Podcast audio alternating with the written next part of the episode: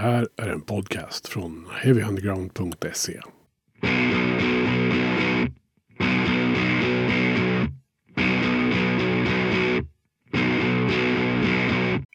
det är sant nu. Jag har Mischa Sedini med i Heavy Undergrounds podcast. Välkommen Mischa. Tack så mycket. Eh, lite kort introduktion av dig. Eh, hur skulle du göra det? Jag skulle nog säga, eh, jag, har, jag, jag, tror att underground passar mig väldigt bra. Det är där jag har varit. Jag har ständigt jobbat i marginalen när jag pysslat med musik och har gjort det i 30 års tid nu. Så att eh, hyfsat okänd, men har, jag tror jag skickade iväg en lista till dig va? Ja. På, på min Spotify-historia, allt som jag har gjort som ligger på Spotify, så det är väl typ över hundra låtar. Ja. Men jag tror att det, det, finns tre eller fyra låtar som har över så här, 10 000 plays. Mm. Så att, eh, hyfsat okänd.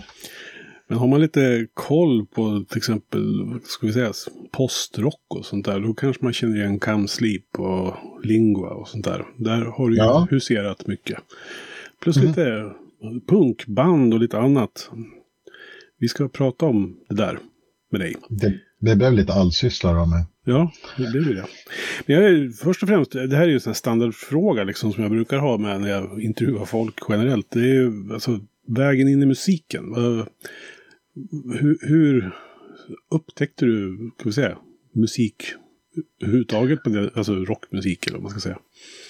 Jag tror att ja, men det, är som en, det är en flerstegsraket. Musik för mig, det upptäckte jag, eh, vi flyttade till Skarpnäck, eh, förort i Stockholm, eh, 1984 har jag för mig, jag var fem år gammal, fem, sex sådär.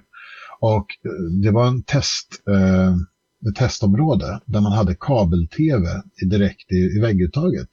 Så det ingick som i hyran. Mm. Så från att jag var fem, ja, sex år gammal så hade jag MTV.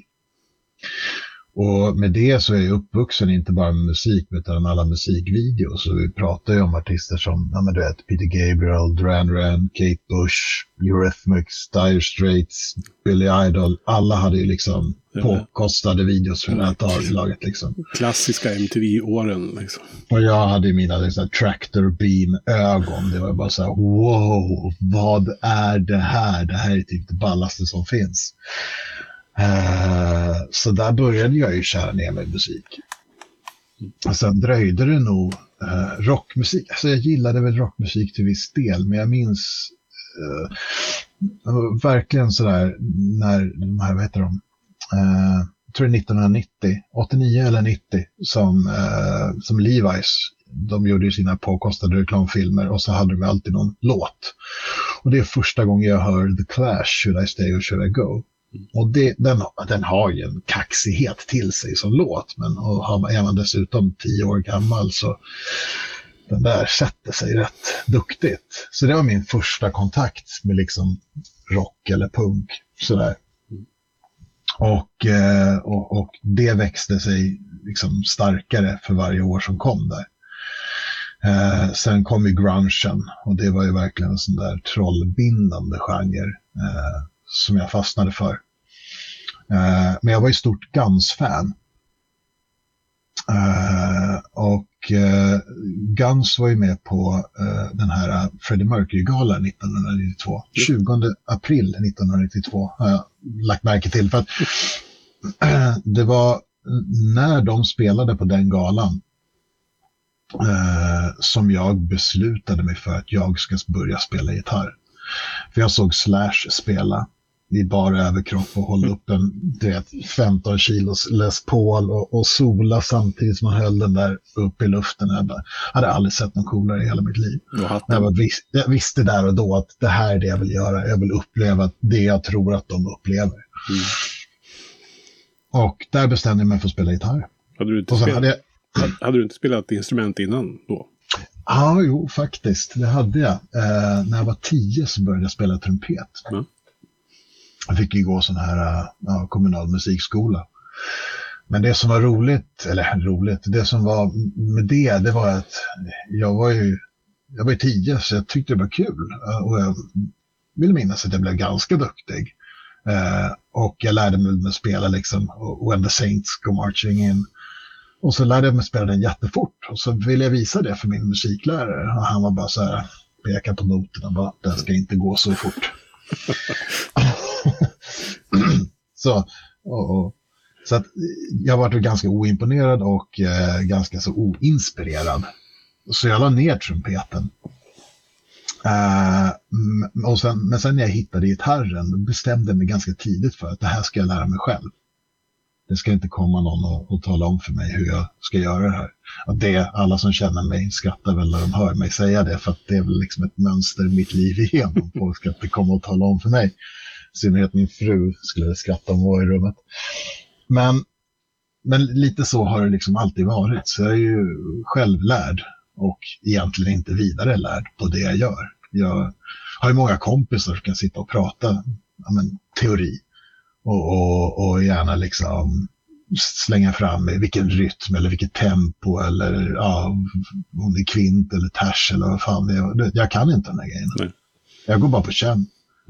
Jag skickade över ett klipp här till en kompis för inte så jättelänge sedan. Så. Han, han bara liksom, men vad fan, det börjar, det börjar i en 11-12 och sen går det över i en femtakt och sen går det över i en 4-4 och liksom, Jaha, okej. Okay. Ja, ja, du menar att det är annorlunda? Ja, det är okej, det är udda. Tempon på de olika riffen liksom. Jag hade ingen aning. Jag bara skriver och sen blir det vad det blir. Det är liksom en känsla. Så jag kan inte det där alls. Men ja, hur som helst. Alltså, eh, förlåt, sidotrack där. Men uh, Guns var ju liksom vägen in som fick mig att vilja börja spela gitarr. Och ganska kort därefter när jag hade lärt mig de här första ackorden så bildade jag mitt första punkband. Jag vill minnas att vi döpte oss till Rumor 421. Mm. Men vad, vad var det liksom just punk då? Varför drogs du till det? Det var enkelt. Det var ju liksom när man tittade på vad jag kunde från början. Jag fick ju lära mig, jag hade ju som tur där när jag bestämde mig för att börja spela gitarr så kom ju min musiklärare Uh, och han uh, sa ju sådär, ja ah, men nu ska vi lära oss att spela en låt i musikklassen liksom. Och vi ska spela Knocker on Heaven's Door. Ja, oh, den är så Guns gjort, det vet jag, sa jag. Och han, ja ah, nej, det är Bob Dylan. Jag bara, ah, ja. Vad är det för tråkig gubbe? Uh, men tråkig gubbe till trots så, så lyckades jag tjata mig till att jag skulle få spela gitarr då. då. Och då fick jag det här med tre ackord. Och så gick jag hem och så övade jag. Det lät lite konstigt, men jag hade ju fått rätt ackord visade att jag hade fått rekordet till Bob Dylans version. Mm. Och Guns kör en annan tonart. Men då fick jag ju lära mig Guns ackord också. Och helt plötsligt kunde jag sex ackord. Sex ackord kunde du göra mycket med liksom. Ja. Så att eh, jag gick hem och övade på det där liksom. Och sen så efter lite om och men så, så lärde man sig barré-ackord. Och kan man barré-ackord då kan man alla ackord. Eh, så att, eh, och då bara plockade jag polaren i klassen som ville spela bas och sen så hade han en kompis som ville spela trummor och sen så var det vi. Och punk var ju liksom enkelt. Kunde du tre ackord så kunde du göra en låt. Mm. Jag tror att jag har någonstans all, vår allra första låt. Eh, jag menar, jag tror fyra ackord är inblandade i den låten. Och ett gitarrsolo, så det var ganska avancerat. Nästan progrock ju. Ja, oh, gud ja. Uh, du ser, tendenserna fanns redan då. Uh, så att... Uh, nej, så punken var så, så, så, enkelt och det var liksom där vi började. Mm. Mm. Sen då? Liksom, du har ju som sagt en lång lista med band som du har varit med i. Hur, liksom, kom du in i musikscenen sådär, eller hur funkar det där? Ja, men det var väl det som var så härligt på den här oskyldiga tiden. Jag var väl, kan jag ha varit 14 när jag startade mitt första band. Och då bodde jag i Stockholm. Och Stockholm på 90-talet, då fanns det ju ungdomsgårdar exakt överallt. Så att gig, visst vi kanske inte spelade ofta i början, men vi, det fanns ju gig och man åkte runt. Jag vet att vi liksom spelade, äh, vi hade spelningar i Skärholmen, vi hade spelningar på, på äh, vad heter det, på Södermalm. Alltså vi var runt rätt mycket liksom. Uh, och jag hade ju mitt punkband där i ett par år uh, innan jag blev en liksom, ja men, dels så började musiksmaken flyta åt ett annat håll. Jag hade kommit in på Machine Head, Fear Factory, Sepultura och började lyssna på metal och blivit en annorlunda gitarrist sådär. Så att jag ville skriva andra typer av låtar. Så jag la ner det här punkbandet och så bildade jag eh, eh, Core, ett, ett, ja, ett metalband helt enkelt. Mm. Med en annan trummis eh, och en annan gitarrist. Och det var jättekul. Eh, och det var samma sak där. Vi, vi hade ju vårat... Och så hade man ju alltid, den, när, när det fanns en fritidsgård så fanns det alltid en engagerad fritidsledare som var liksom just för musik.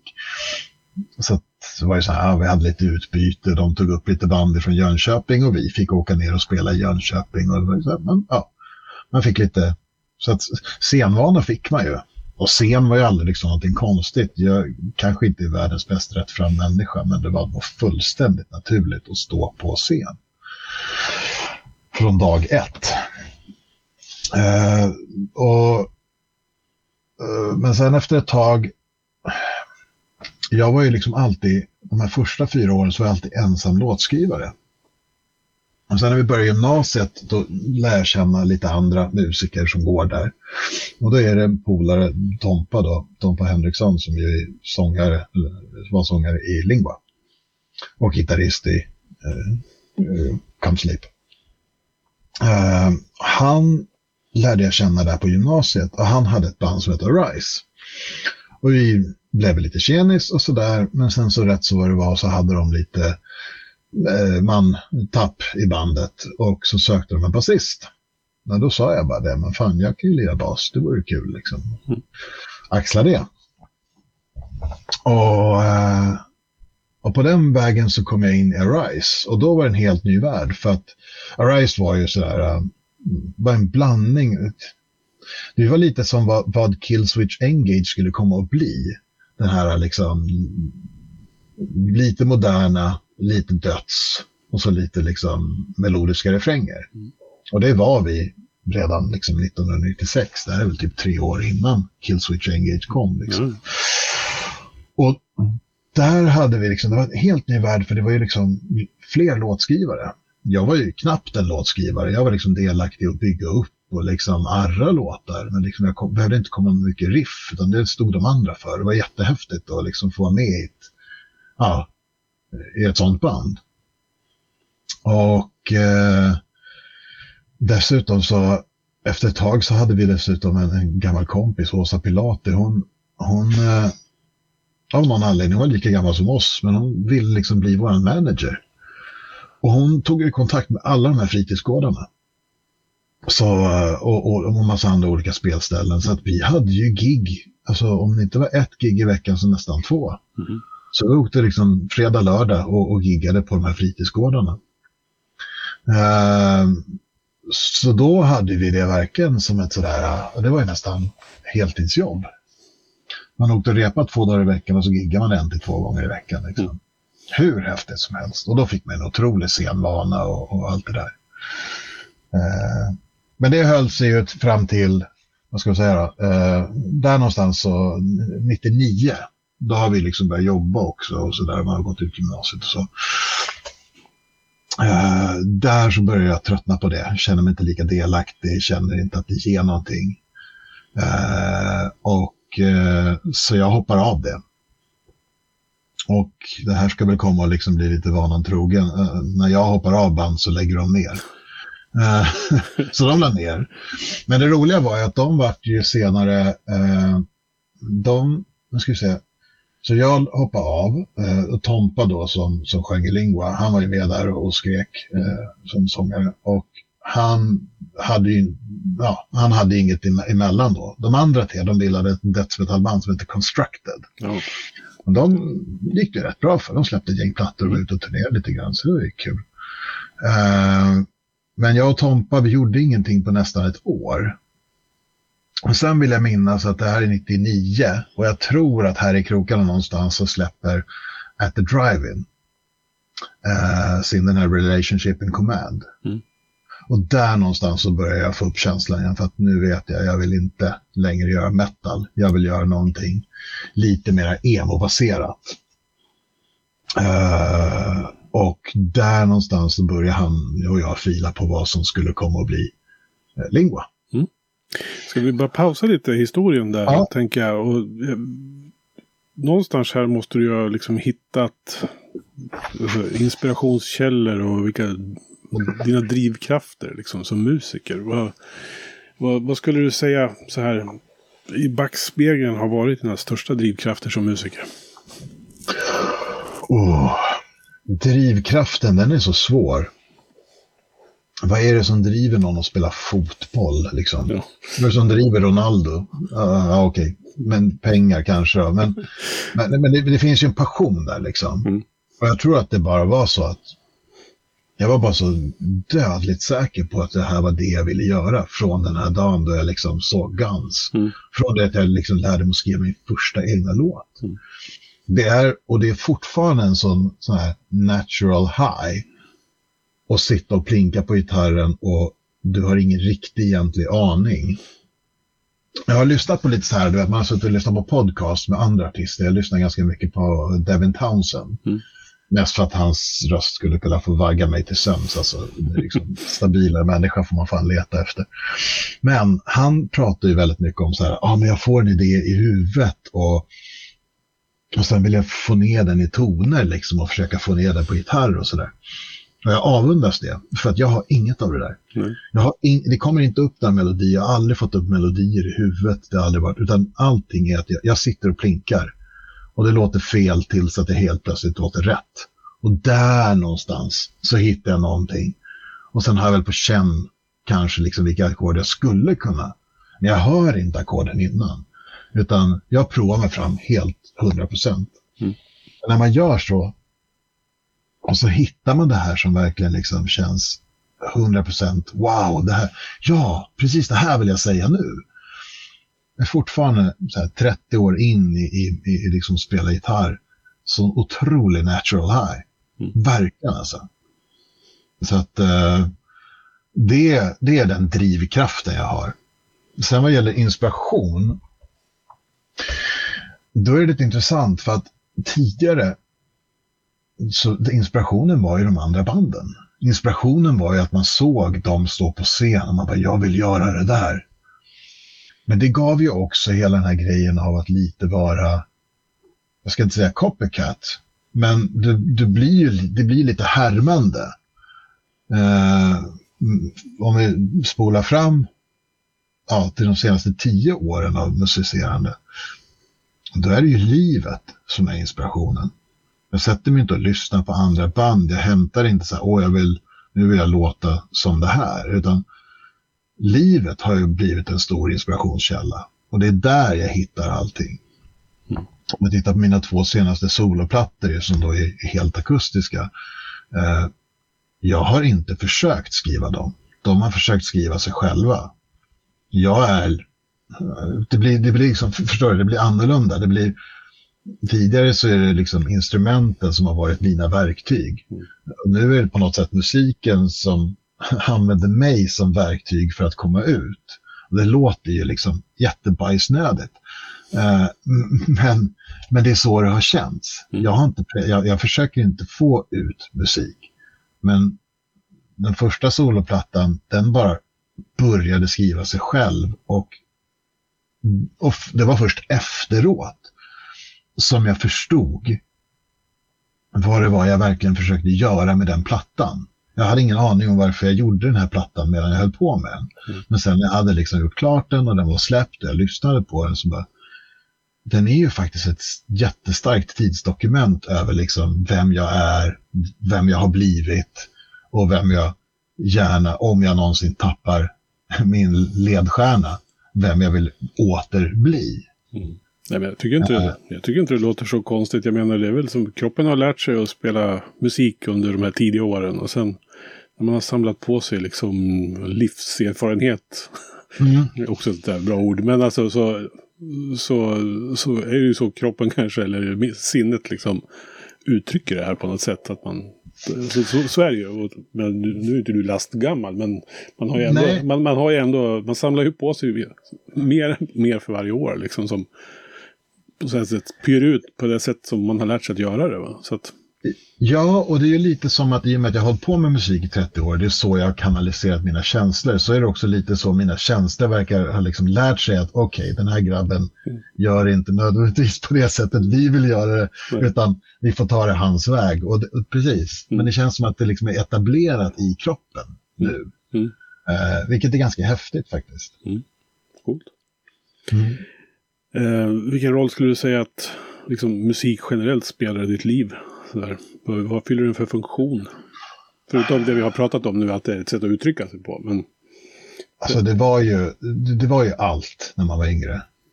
Uh, och jag menar, jag är ju, jag är ju skilsmässobarn. Jag har haft en tung, tung ungdom uh, med en, en del, eh, jag, jag, ska inte säga psykisk ohälsa, uh, för att det har ju liksom för det finns de som, som lider av psykisk ohälsa. Men jag mådde inte bra. Nej. Varken när jag var 15 eller 19 eller när jag var 25. Eh, utan väldigt, eh, det var mycket ångest, det var mycket ouppklarat som låg där. Och då har ju musiken alltid, antingen lyssna på musik eller spela musik har ju alltid varit, vad ska man säga, eh, det har ju varit A och O. Eh, det har ju varit sättet att hantera det här. Eh, sen har det ju varit på gott och på ont.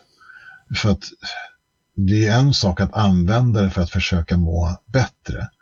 Men jag kan också ha använt det ibland för att verkligen vältra mig i skiten. Verkligen liksom, du vet, man har ångest och sen så bara försöka förstärka den där mm. ångestkänslan. Möjligt att det var en nödvändig process. Eh, alla nödvändiga processer är inte alltid självklara eller logiska. Eh, men jag kanske behövde göra det för att liksom, du vet, stånga sig blodig för att bara inse att okej, okay, men det här är en återvändsgränd. Om du prövar att vända på båten och segla i motvind lite grann, det kanske är jobbigt, men det kan hända någonting. Mm. Och lite så var det faktiskt, för att när vi sen 2011 la ner, eller återigen, jag hoppade av Lingua. Eh, det är en tydlig eh, vet du, tydlig trend i mitt liv att det är jag som hoppar av alla band. Uh, men det kan vi prata om sen. Uh, men så när jag hoppar av Lingua, då, uh, då är det dels dels är det ju liksom för att jag liksom känner mig lite alltså klar med musik så, men det, det, mycket har ju liksom att göra med att jag går in i replokalen och det, när vi började Lingua då gick vi in och spelade och vi mådde kanske dåligt allihopa på vårt eget sätt och sen så spill, skapade vi den här musiken. Vi kallade det för crescendo-rock, liksom, emotionell crescendo-rock. Eh, mycket, väldigt mycket vemod och, och, och, och ångest i det hela. Liksom. Men för oss var det liksom ett verktyg för att om vi sätter oss i det här så om vi mår lite dåligt och sen så spelar vi det här och det är ändå musiken försökte söka till och sträva till att man ville må bättre. Och i det så kunde man också må lite bättre. Men jag kom till den här punkten där jag liksom började må bättre än musiken vi spelade. Och då kom jag alltid in i replokalen och så var jag tvungen att försätta mig i ett tillstånd där jag inte längre befann mig eller hade ett behov av att vältra mig i. Och då blev det så det blev så ogenuint. Eh, och, så jag klarade inte av det till slut. Och det märker man. Om man lyssnar på de två lingvaplattorna så märker man att på den andra lingvaplattan så finns det mycket mer upptempo-låtar. Det finns ett annat typ av material. Eh, och det är ju det är rakt av jag som har tryckt in det där materialet. Eh, och tittar man sen på vad de ja, när, när, vi bröt upp så jag slutade ju skriva, göra musik ett tag i några år. Men de gick ju vidare i ett projekt som heter The Isolation Process. Just. Som är jävligt trevligt uh, att lyssna på. Men det är ju liksom, de är ju tillbaka till liksom det här jättesåsiga, ännu såsigare, ännu mörkare, ännu deppigare än, än vad Lingua var. Mm. Så att man märker verkligen tydligt att vi liksom, ja, vi, vi, vi, vi drev åt verkligen olika håll. Och det blev så tydligt när jag hoppade av vilket håll de kanske egentligen ville röra sig åt. Mm. Eh, ja, nu har vi ju avhandlat Lingua lite grann, men vad, vad skulle du säga var grejen med Lingua från början? Liksom, vad, vad var det ni startade för? Alltså, vi behövde ju göra musik igen och jag och Tompa visste att vi jobbade jävligt bra ihop. Men jag ville inte göra metal. Och när jag fick honom hookad på den här uh, Relationship in Command-plattan så sa jag det att jag vill göra någonting som är mer det här. Jag vill göra någonting som är mer Tool, jag vill göra någonting som är mer Deftones, jag vill göra någonting som är mer de här uh, banden. Uh, och jag visste ju att Tompa, han är ju sån här, kan gå upp på scen och riva av vilken Depeche Mode-cover som helst, när som helst. Och jag var ju bara så här, både han och jag älskar ju liksom 80-talet. Vi kan ju sitta och lyssna på Ultravox och, och de här grejerna. Men vi visste också att vi ville göra de här tunga, släpiga låtarna. Uh, så att det var lite det som, som startade det hela. Det, det var väl en, på ett tag så var väl det en genre som kallades för emo, lite grann. Jag uh, vet inte om At the Drive-In passade in där. Liksom. Jag vet inte hur mycket vi lät som At the Drive-In, men det var någonting det som ändå var ett startskott av att vi, liksom, vi ville båda lämna metal mm. och göra någonting mer emotionellt. Och, eh, och då, sen tidigare så kände vi ju Patrik, eh, Patrik Jutilainen då. Vi hade ju haft, eh, Patrik, Patrik och jag träffades 96, han var en kompis i Tompa. Och vi stod i replokalen någon gång så här fulla på folköl och eh, hade ett så fyra timmars jam. Som resulterade att vi, vi startade ett, eh, återigen, du vet, man, som jag sa, när man var yngre så hade man andra band som inspiration. Och då startade vi ett band som heter Lifer, eh, som ju lät ungefär exakt som Down.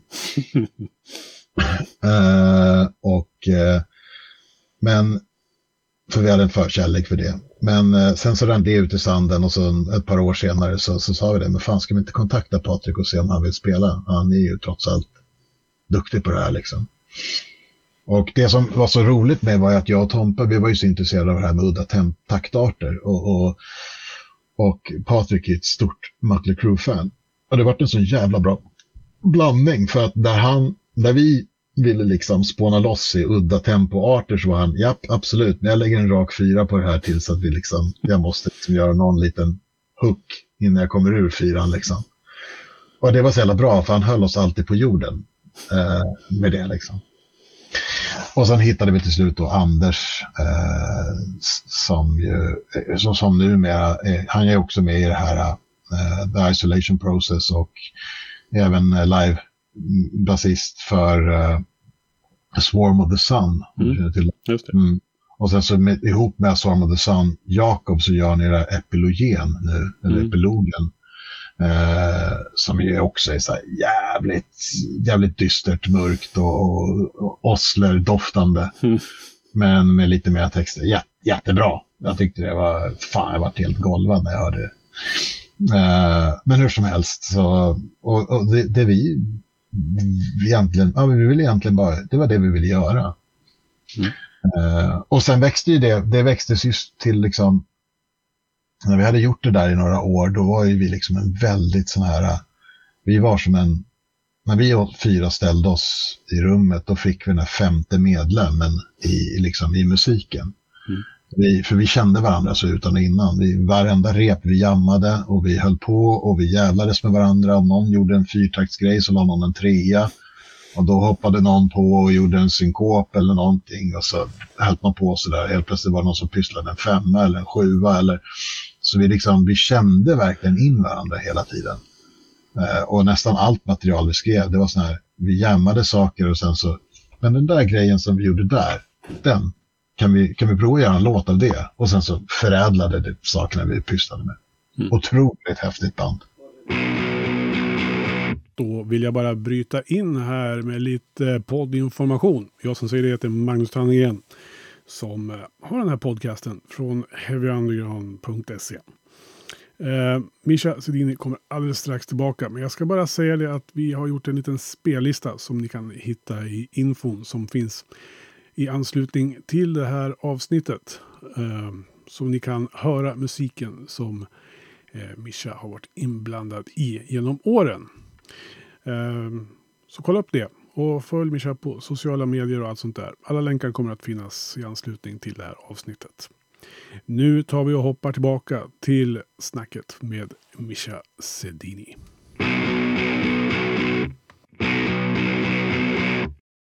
Vad, vad hände efter Lingua?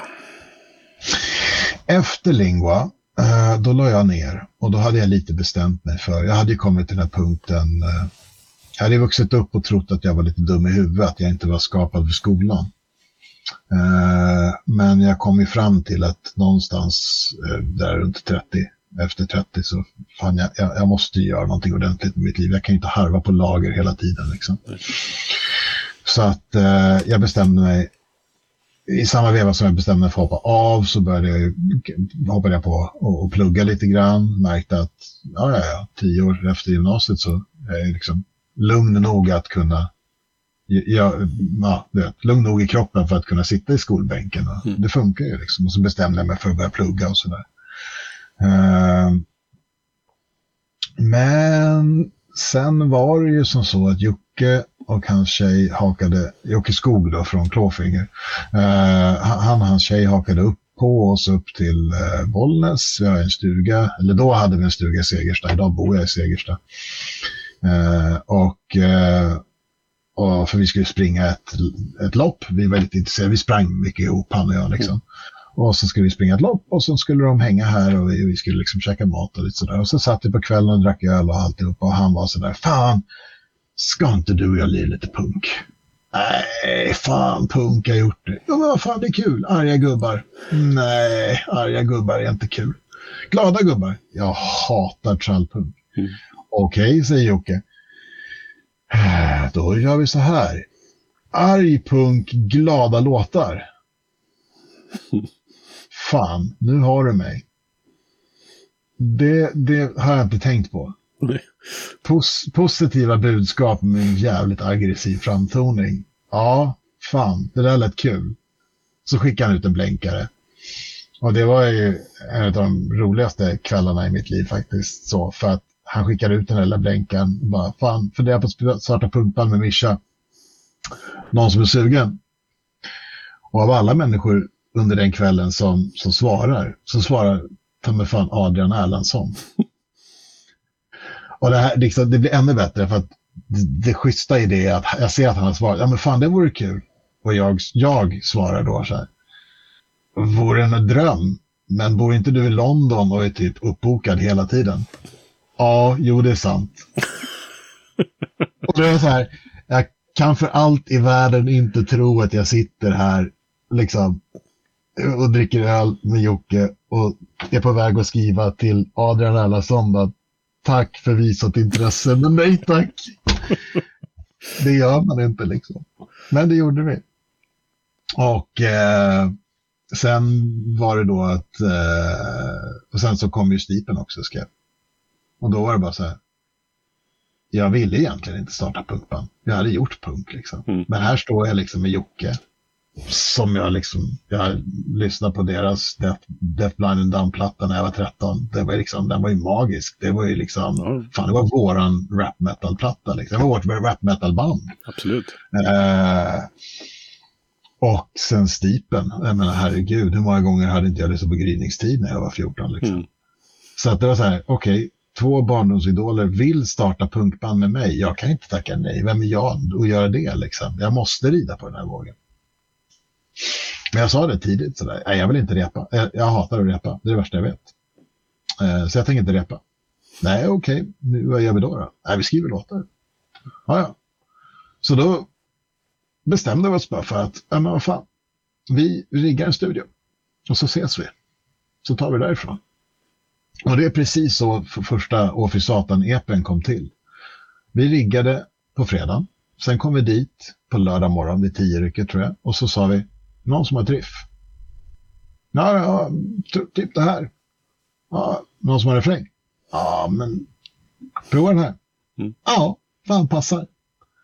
Och sen så repade vi den och så byggde vi den låten lite grann. Och sen så repade vi den två, tre gånger och sen så är vi redo att spela in. Ja, absolut. Tryckte på rekord. Tog en fem, sex tagningar. Sen satt den. Mm. Och sen fortsatte vi. Och den helgen spelade vi in våra första fem låtar. Och det var en sån otrolig befrielse från allt annat jag hade gjort innan. För innan hade musik varit dödligt allvar. Det var liksom, det fanns inte på kartan egentligen att göra någonting som inte var liksom exakt till punkt och pricka. Det skulle vara tight, det skulle vara råsatan och alltihopa. Och det skulle låta bra och nu var det så här, vad vi än gjorde, vi bara höfta. Alla bara, tummen upp. Mm. Hur låter det här? Tummen upp. Första mixen, tummen upp. Vi skulle kunna filat på det där i ett halvår, det skulle låtit likadant. Eller, ah, okej, inte likadant. Jocke kan sin grej, det hade låtit lite bättre. Mm. Men vad hade vi vunnit på det? Ingenting. Nej. Och sen så spelade vi in de där låtarna och då, då förstod vi direkt att vi har någonting riktigt bra här. För vi hade så satans kul. Vi skrattade hela tiden i replokalen. Och jag bara, det här är precis det man vill ha. Man vill ha ett band som man hade när man var 15. Det ska bara vara kul. Är det inte kul så skiter vi i det. Mm. Det är därför vi aldrig haft ett skivbolag. Nej. Skivbolag är inte kul. Uh, och, och, och, släppa skivor och hålla på. Folk håller på att tjata på oss. Åh fan, och för satan kan inte släppa det på vinyl. Nej, det kostar pengar, vi måste punga upp, vi måste hålla på och försöka kränga det på gig istället för att ha kul. Nej, det finns Spotify, det finns ja, alla. Det var inte ens för pröjsade Spotify så finns det Bandcamp eller Soundcloud. liksom. Du kan lyssna på det, det är inget problem. YouTube, det finns där. Liksom. Mm. Helt gratis, du behöver inte pröjsa för det. Men vi kommer aldrig göra en ansträngning till att liksom släppa någonting fysiskt. För det är inte kul att hålla på med. Nej. Så att, eh, ja. Och då var ju första gången som, återigen, hela livet innan, vi hade ju varit väldigt introverta när vi stod på scen. I alla fall från Lingua och framåt liksom. Mm. Uh, det var ju verkligen så här shoegazer-emo liksom. Uh, det var kanske inte så mycket att vi tittade på våra instrument, men vi var aldrig så här, vi gjorde aldrig anspråk på att vara publikfriande. Alltså vi bjöd inte in publiken, utan vi stod på scen, det var vår scen, vi gjorde vår grej och om du inte gillade det så kunde du dra. Men det finns en anledning till varför Lingvo aldrig liksom blev någonting mer. Det var ju för att vi var väldigt svåra att jobba med. Mm. Jag ångrar inte det för fem öre, för vi gjorde vår grej och det vi gjorde det var för oss helt magiskt. Och de plattorna vi har, det ligger väl tre plattor, två fulla plattor och sen finns det en platta med lite demos och, och lite sådär. Uh, och jag kan fortfarande lyssna på det än idag och själv få gåshud. Jag är inte en sån där som inte kan lyssna på mitt eget material. Jag kan lyssna på mina grejer Mm. och bara känna, fy fan vilka coola grejer vi gjorde. Mm. Uh, som kanske ingen annan riktigt gjorde i Sverige Nej. då liksom. Precis. Uh, så att...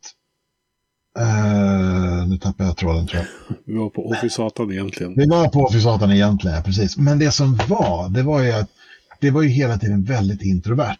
Och, och, liksom, och, och, och nu istället med Officatan, vi bestämde oss ju ganska tidigt för så här, vi, fan, vi, ska vi inte bara ha någon liksom scenklädsel? Ja, men för fan, Björn Borg, 78 sa jag liksom. Och sen så gjorde vi vad vi kunde för att liksom efterapa liksom, någon form av liksom tennisstil. Så vi hade våra korta shorts och så var det mycket bredbent och liksom. Mm.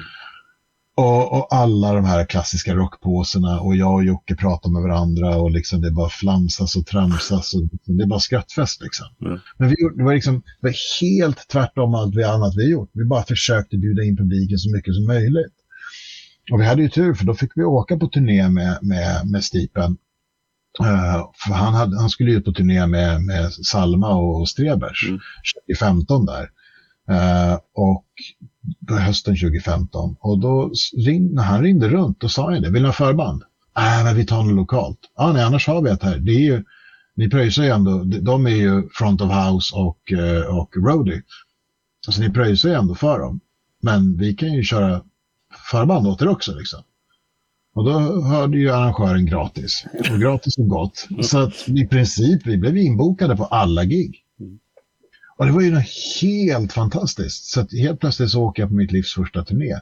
Vilket var det var ju fred, eller var ju, ja, fredag, lördag. Ja, ja. Eh, varje helg i två månader. Men det var ju hur kul som helst. Och de här publikerna, punkare, inte riktigt inne på humor. Visst, de, för de var ju liksom Salma och Strebers. De ville ju ha det här liksom Elsa och, och, och, och ja. Du vet, det, det ska vara tunga texter och det ska vara liksom, och vi, där kommer vi och sjunger om att jag vill ta ett, nytt, ett till bad och jag vill springa i skogen och du vet. Eh, bara så här sjukt aggressiva låtar om positiva saker. Folk fattar inte det till en början, men efter en kvart, att, att vi var på scen en kvart, de flesta var liksom med. För de fattade liksom att det här är liksom, de, de är bara ute för att ha kul. Mm. Så till slut, så mot slutet av varje konsert, då hade vi hela publiken med oss. Och vi liksom sa åt dem innan, sjung med det här eller sjung vad fan ni vill i refrängen. Liksom. Och, du vet, bara tramsa. Och vi hade alla med oss. Det var så sjukt roligt. Och sen på kvällen så hade man lyxen att se Salma eller Strebers varje kväll. Liksom. Eh, och jag minns att det var liksom ännu roligare när vi var i Gävle. För att vi skulle ha spelat i Gävle eh, på en fredag. Men på, på morgonen så fick min fru verkar och på eftermiddagen då när jag egentligen skulle ha åkt från jobbet så ringde jag hem och sa det. Men hur är det? Är det liksom, ska jag åka eller ska jag vara hemma? Och hon bara, nej men vadå, jag har verkar var tionde minut. jag är hemma. Och då var det så. Den helgen ställde vi in. Men det roliga är ju, och det kan du söka på YouTube, eh, då finns det ju Office spelar utan Mischa i Gävle. Mm. Det är liksom, det är fler Strebers-medlemmar på scen än vad det är Officata-medlemmar. Och de satt i logen och fixade ihop det där. Och du har någon som är utklädd till Kermit som står och spelar bas. Som var, fick vara roadie den kvällen. Ja, ja. Uh, och, och liksom, och Jocke sjunger själv. Uh, och, och men du vet, och Stipen spelar i trummor och sen så tror jag Pontus fick vara uh, gitarrist. Sådär. Men ja. de repade in tre, fyra låtar och körde liksom Officatan ändå. Och det var så häftigt. Bara, fan Satan är en egen levande entitet. Vem som helst kan ställa sig på scen och vara Åfy Satan. Det gäller bara liksom att lära sig låtarna och spela. Ja, men det, så att, vad Åfy Satan var, det var så öppet och fritt. Och det var så otroligt roligt. Helt annan sak mot vad jag gjorde då. Mm. Men det gjorde tidigare. Ja. Eh, jag skulle vilja prata lite om Come Sleep också. Mm.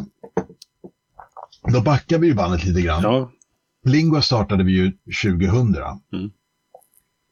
Um, och fyra år in i Lingua, då får vi för oss någon gångstans på fyllan och villan och starta ett sidoprojekt. Och då vill vi spela liksom thrashpunk.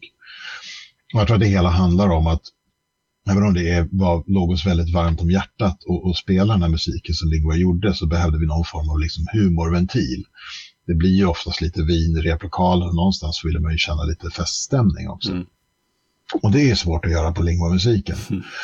Men, och så då startade vi ett punkband som vi döpte till den svenska motsvarigheten till Anal Cunt, så det blev ju Rövfitta.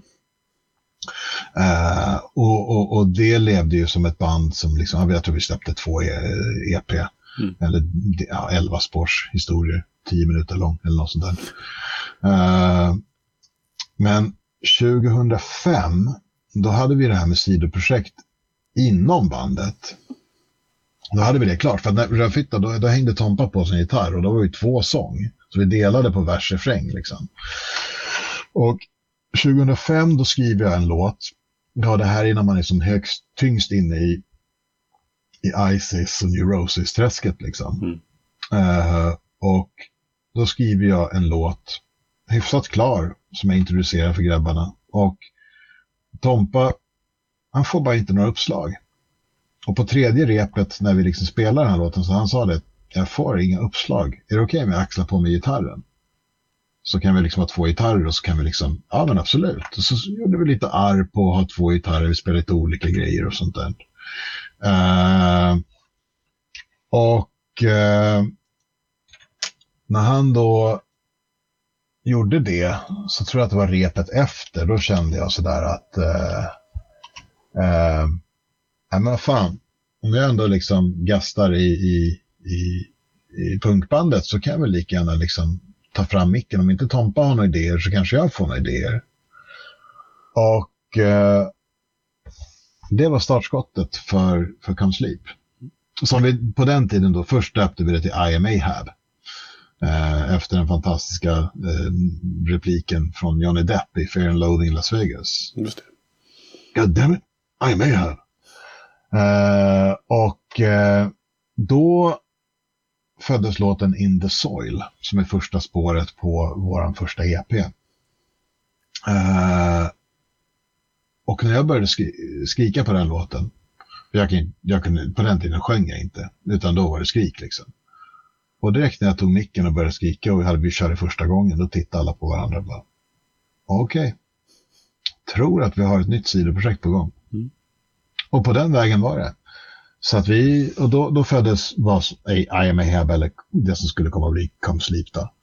Uh, och eh, det var då det började bli riktigt intressant i eplokalen. För helt plötsligt hade vi, vi var fyra personer och vi hade tre band. Och vi hade lite olika, lite olika konstellationer. Då. Det var ju Tompa som hade mest olika roller. Då. Mm. I, I Lingua då spelade jag bara gitarr, eventuellt körade. Och sen så i punkbandet så körde vi så var jag gitarr och skrek och, och Tompa var gitarr och skrek. Och sen i, Come Sleep då som, som vi tog sina definitiva liksom, uh, vet du det, uh, tog sats ifrån då Isis och Neurosis. Uh, och de banden. Uh, så var det jag som spelade gitarr och sjöng och Tompa spelade gitarr bara. Men det slutade ju till slut med också, vi gjorde en EP då 2005 och sen eh, 2009 står det på Spotify, men jag fan om inte det var 2007 vi släppte The Burden of Ballast. 2007 stämmer det. Ja. Och eh, och då hade vi ju som tur för att då var det ju, eh, ja återigen, eh, det är när man är liksom den här, man är en liten tät grupp som, som håller varandra om ryggen. Så, så A Swarm of the Sun, eh, eh, Erik har ju, hade ju ett skivbolag, en studio och ett skivbolag. Så han sa det att men jag spelar, vi spelar in den tillsammans och jag släpper den. Uh, och vi bara yes, absolut. Så då gick vi in en helg och spelade in eh, de här nio låtarna. Och det som är så coolt med uh, Come Sleep, återigen, det var så här, när man, när man har de här olika banden, då, då, då kan man uttrycka dem på olika sätt och få utrymme för olika sätt man vill göra banden. Men Lingua, då var det ju alla pålägg. Vi, vi liksom körde extra allt. Det kunde inte vara stort nog. Det skulle bara vara den här väggen och köttman. Eh, Medan Come Sleep, då sa vi det, vi går in och spelar in den live. Inga overdubs. Eh, så att de, de låtarna som ligger där, det är helt live. Helt live. Det ligger inga extra gitarrer. Det ligger på jag tror att det är uh, His Beast Is Done. Då är det Tompa som har proddat om introt lite så det låter mer suggestivt. Liksom. Mm. Men det är bara att han liksom har vet, använt lite filter och, och, och kört igenom lite effekter. Mm. Uh, och sen så har vi väl på, på några ställen så har vi liksom lagt på lite så här syntar för att liksom för att det ska förstärka de här sluten liksom. Mm. Uh, men i övrigt så är det liksom, det är helt live, bortsett från sången då, för sången spelade jag in separat. Mm. Låtarna är tagna live och det, det, är jävligt coolt för att man hör, det finns ett par ställen, jag vet att på den uh, Crave Change, på den versionen av på plattan så, så är det något tillfälle som någon tar en halv ton ner på ett ackord och låter istället för uh. mm. Och det gör ingenting, vi sa det, släpp det. Mm. För det är precis samma sak som vi är ju stora Ross Robinson-fans. Mm. Uh, Ross Robinson är en sjukt underskattad producent. Mm. Uh, även bland banden. Uh, alla som har jobbat med honom säger att aldrig igen, aldrig någonsin igen. Fuck, fuck, liksom. fuck, that guy. För han är så högintensiv. Men det märker man ju också. Om man tittar på så här, vilken är Mars Voltas bästa platta? Relationship and Command. Varför? För han var där. Mm. Vilken är Slipknots bästa platta?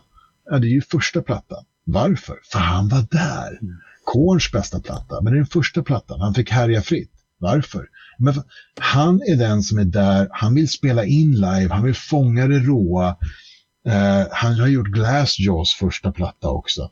Och alla de här plattorna, om man lyssnar noga, de är inte tight någonstans. Nej. Utan hans grej är att han går in och säger att på den här versionen hade ni bäst energi.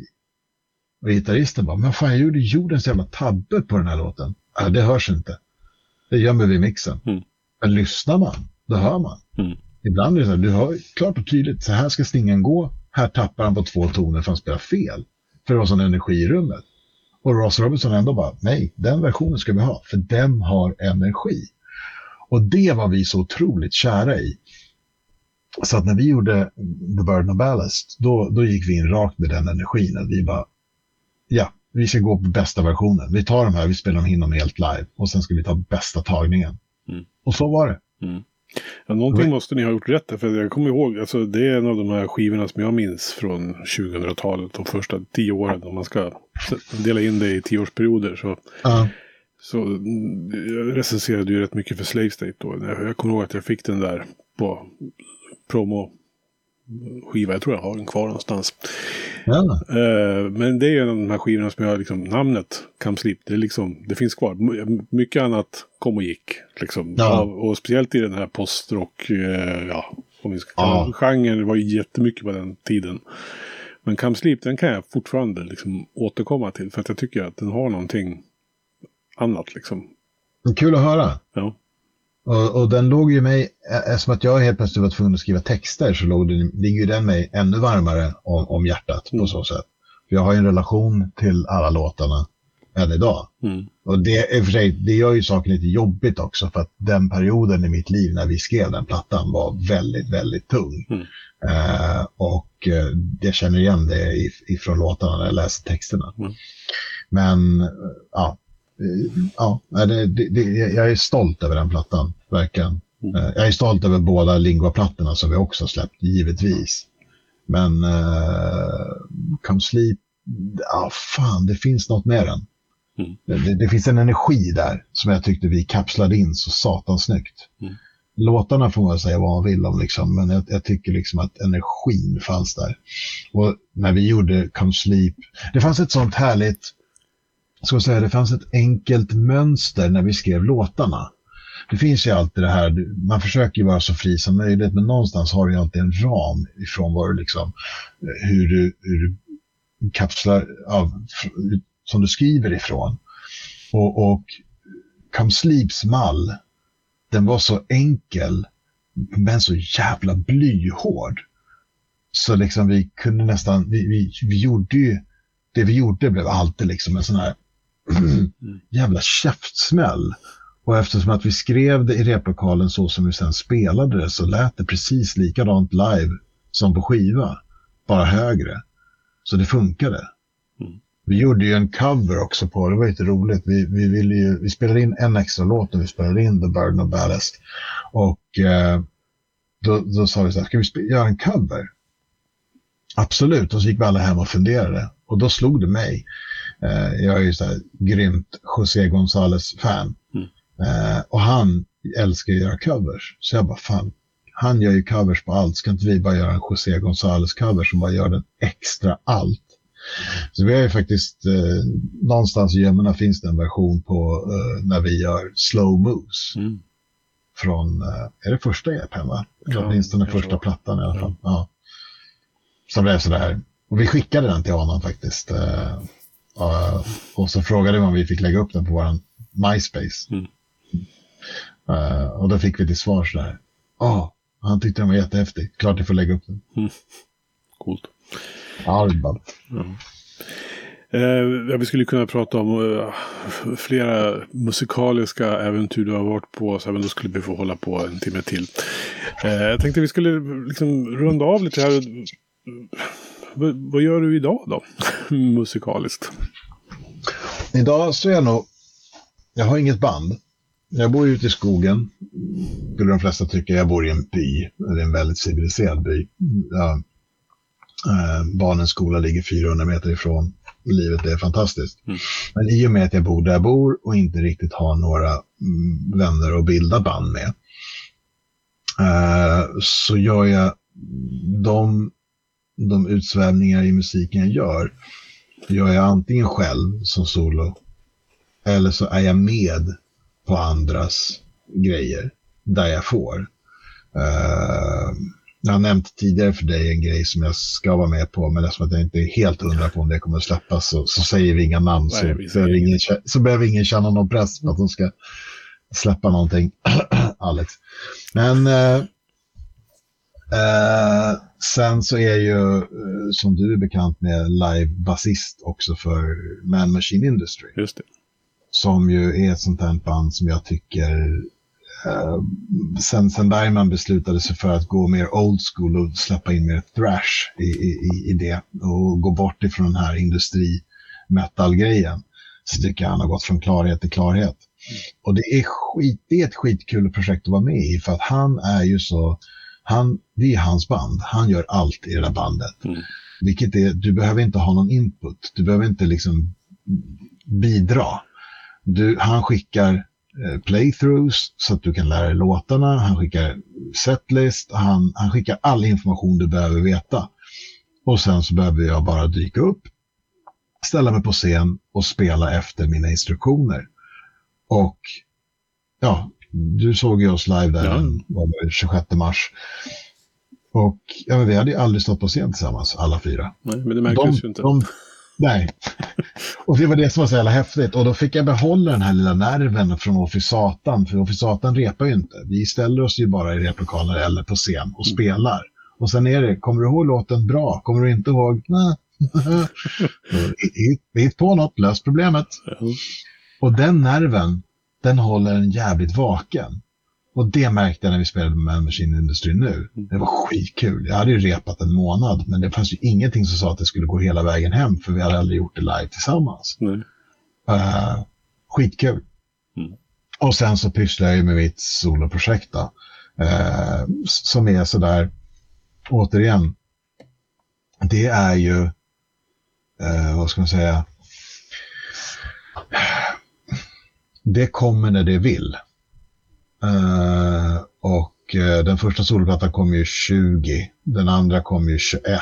Och den, ja, och den släppte jag ju mitt under. Jag blev ju klar med den och färdig med den innan jag blev sjuk. Eh, jag hade ju leukemi förra året. Ja, och sen så släppte jag ju den mitt under. när jag, jag släppte den faktiskt när jag låg på sjukhus för jag hade inget annat att göra. Så jag gick in på jobbdatorn och, och liksom bara vet, fixade i ordning alltihopa och så där på. Och så släppte jag den. Eh, och det var också en sån här udda jävla platta. Jag hade inte en tanke på att egentligen göra en till platta, men jag har ju ett så här Instagram, jag har flera konton, jag är mångsysslare och ett av mina konton är där mitt löparkonto där jag träffar andra löparintresserade.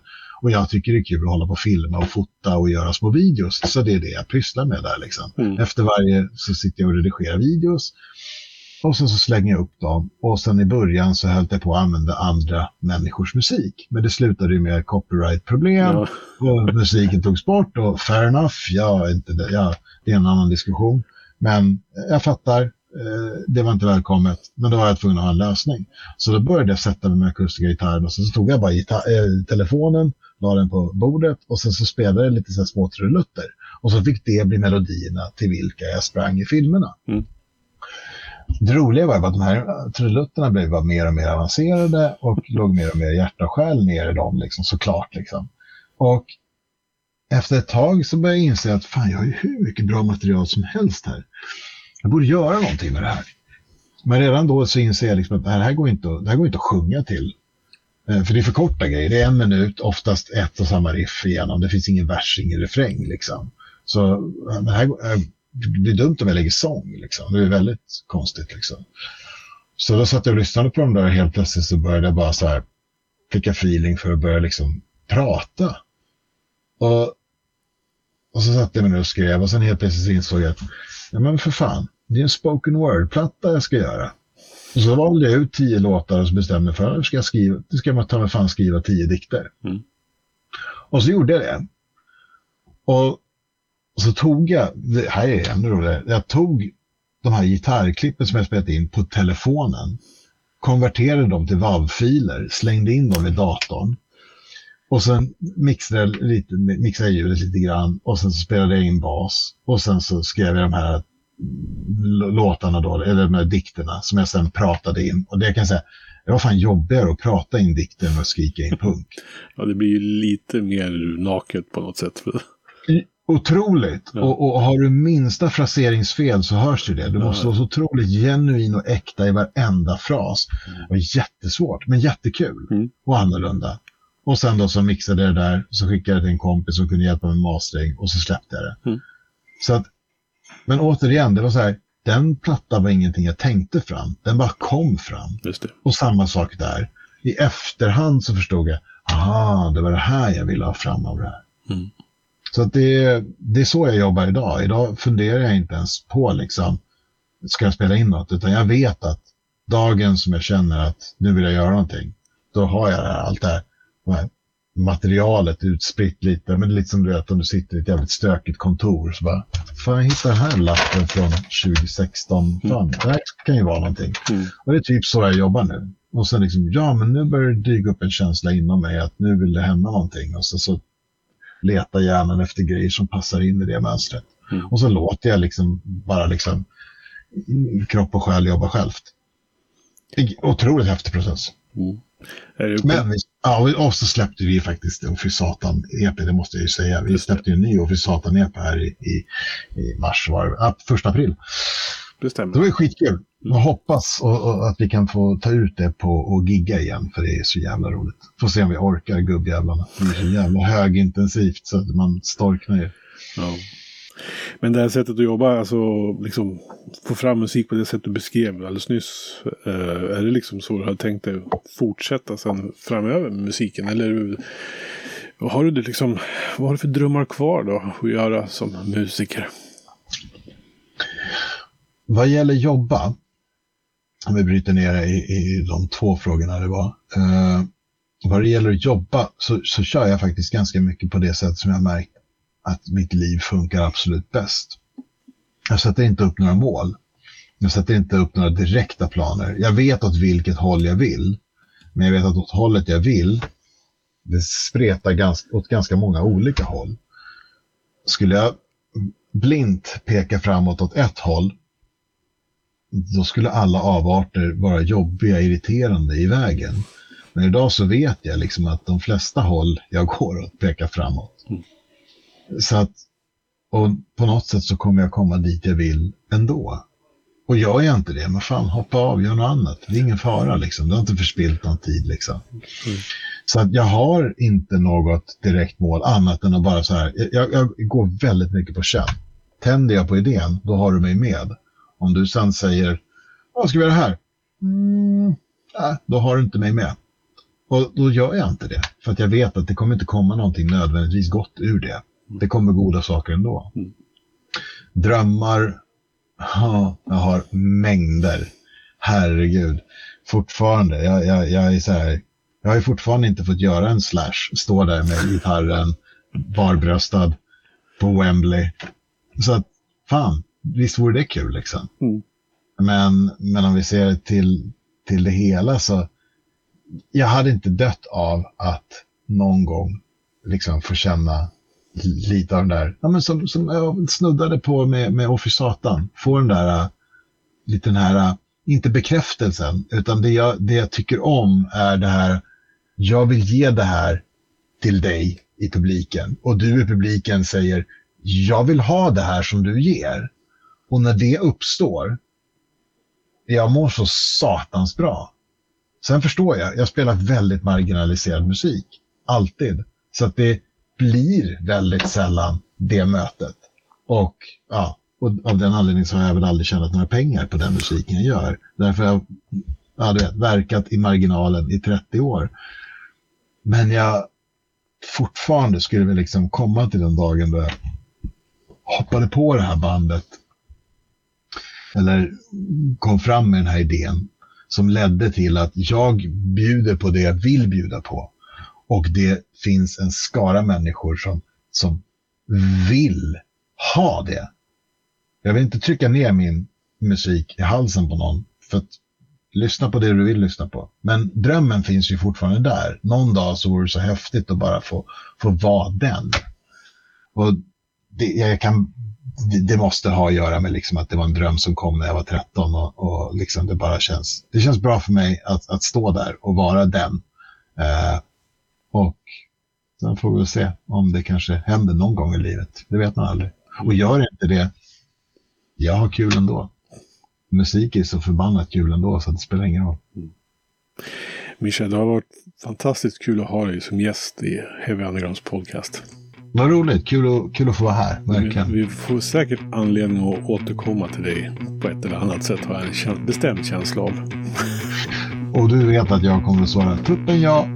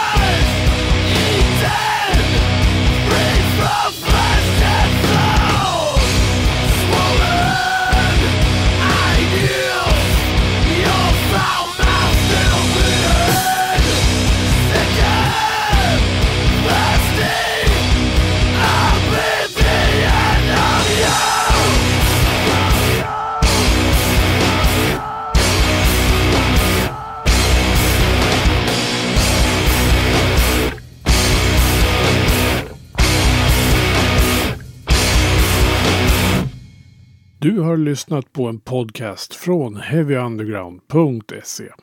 Jag som säger det heter Magnus Tannegren och är den som producerar och intervjuar i den här podcasten. Vill du veta mer om det här avsnittet eller om podcasten i allmänhet? Besök heavyunderground.se eller leta upp oss på de sociala kanalerna på Facebook och Instagram. Tack för att just du har lyssnat. Hey, I met you. You are not cool. I know. Even when I thought I was, I knew I wasn't. Because we are uncool. I'm glad you were home.